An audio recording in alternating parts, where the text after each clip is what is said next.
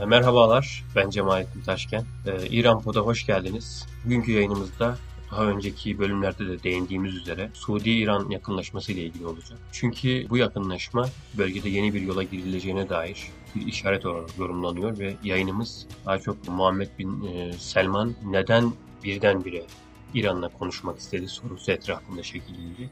Bu önemli bir soru.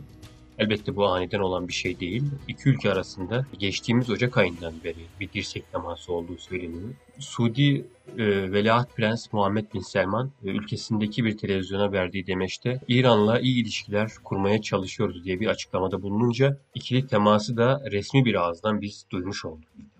Bu açıklamasına şöyle devam etti Suudi Prens. İran ile farklılıklarımızı aşmak için e, bölgedeki ortaklarımızla birlikte çalışıyoruz dedi. Oysa bundan sadece 4 yıl önce aynı isim İran'la diyaloğun imkansız olduğunu dile getiriyordu ve aşırılık yanlısı bir ideoloji üzerine inşa edilmiş e, bir rejimle nasıl diyalog kurarsınız demişti yani Tahran'ı kastederek ve Suudi Arabistan'ın savaşı İran topraklarına taşıyacağına dair dikkat çeken bir çıkışta yapmıştı. Tabi bu Tahran tarafından çok büyük bir tepkiyle karşılanmıştı. Peki bu söylem değişikliğine neden ihtiyaç duydu Riyad? Ee, bunun olası sebeplerine göz atmak lazım biraz. Burada öne çıkan bir faktör diğerlerinden daha önemli. Amerika Birleşik Devletleri'nin Orta Doğu'dan özellikle askeri anlamda çekilme konusunda ciddi olduğuna dair artan işaretler, emareler var. Bugüne değin e, ABD başta e, Körfez ülkelerinin pervasız davranışlarını bile destekleyip onlara bir takım e, güvence veya cesaret verdiğine dair yaygın bir kanaat mevcut.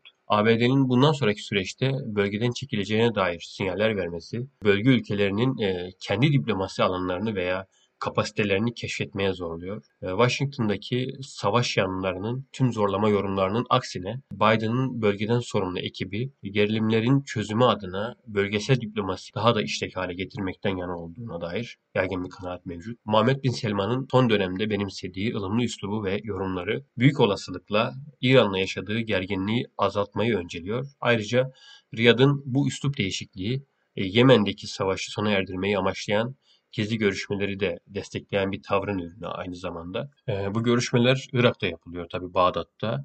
E, tabii ki İran ve Suudi Arabistan'ın yeniden diyalog kurmasına aracı olmak Irak için de önemli bir çıkış kapısı olabilir. Bölgedeki düşmanlıkların, gerilimlerin veya e, proxy güçlerin bir savaş alanı olmuştu son yıllarda Irak malumunuz. Bu gerilimi çözmek hem Bağdat diplomasisinin yeniden hayata dönmesi için önemli bir fırsat. Ayrıca öte yandan e, İran'ın etkisinden kurtulması adına da mühim bir girişim olarak kayda geçmelidir diye düşünüyorum. İki ülke arasındaki yakınlaşma ve e, verilen olumlu sinyaller diyaloğun İran ve Suudi Arabistan'la sınırlı olmadığını ortaya koyuyor aynı zamanda. Özellikle Körfez basınında ilk toplantının Ocak ayında İran'la Birleşik Arap Emirlikleri arasında yapıldığına dair yaygın bir kanaat var. Bunun ardından Suudi, Ürdünlü ve Mısırlı yetkililerin de dahil olduğu toplantılar yapıldı. Yılın başından bu yana e, bu tür en az 5 toplantı yapıldı ve bugüne değin ciddi mesafe kat edildiği görülüyor. Gizli görüşmelerde öncelikle Yemen'deki savaşa odaklanılmış vaziyette. Ayrıca e, Suriye ve e, Lübnan'daki gerilim de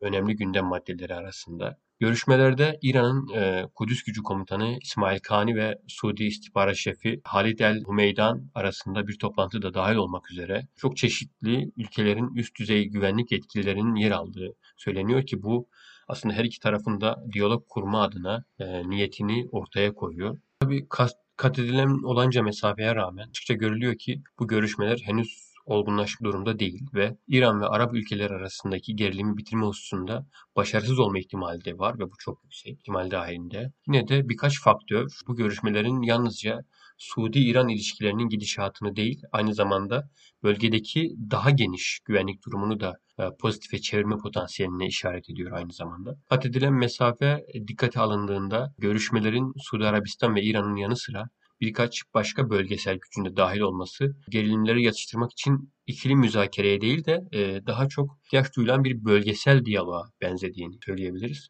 E, öte yandan e, Viyana'da devam eden nükleer görüşmeler, diplomasiden uzaklaştıkça derinleşen Yemen'deki insani kriz ve Amerika'nın bölgeden çekileceğine dair artan olasılık Suudi Arabistan'ın bölgesel gerilimlerden beslenme imkanını en aza indiriyor. Tabi bu durum İran için de geçerli. Her iki ülkeden de bundan sonraki süreçte aralarındaki var olan gerilimi tamamen bitirmelerini beklemek gerçekçi değil. Ama en azından e, var olan problemleri e, karşılıklı saldırı yerine diplomasi kanalını canlı tutarak çözmeleri beklenebilir.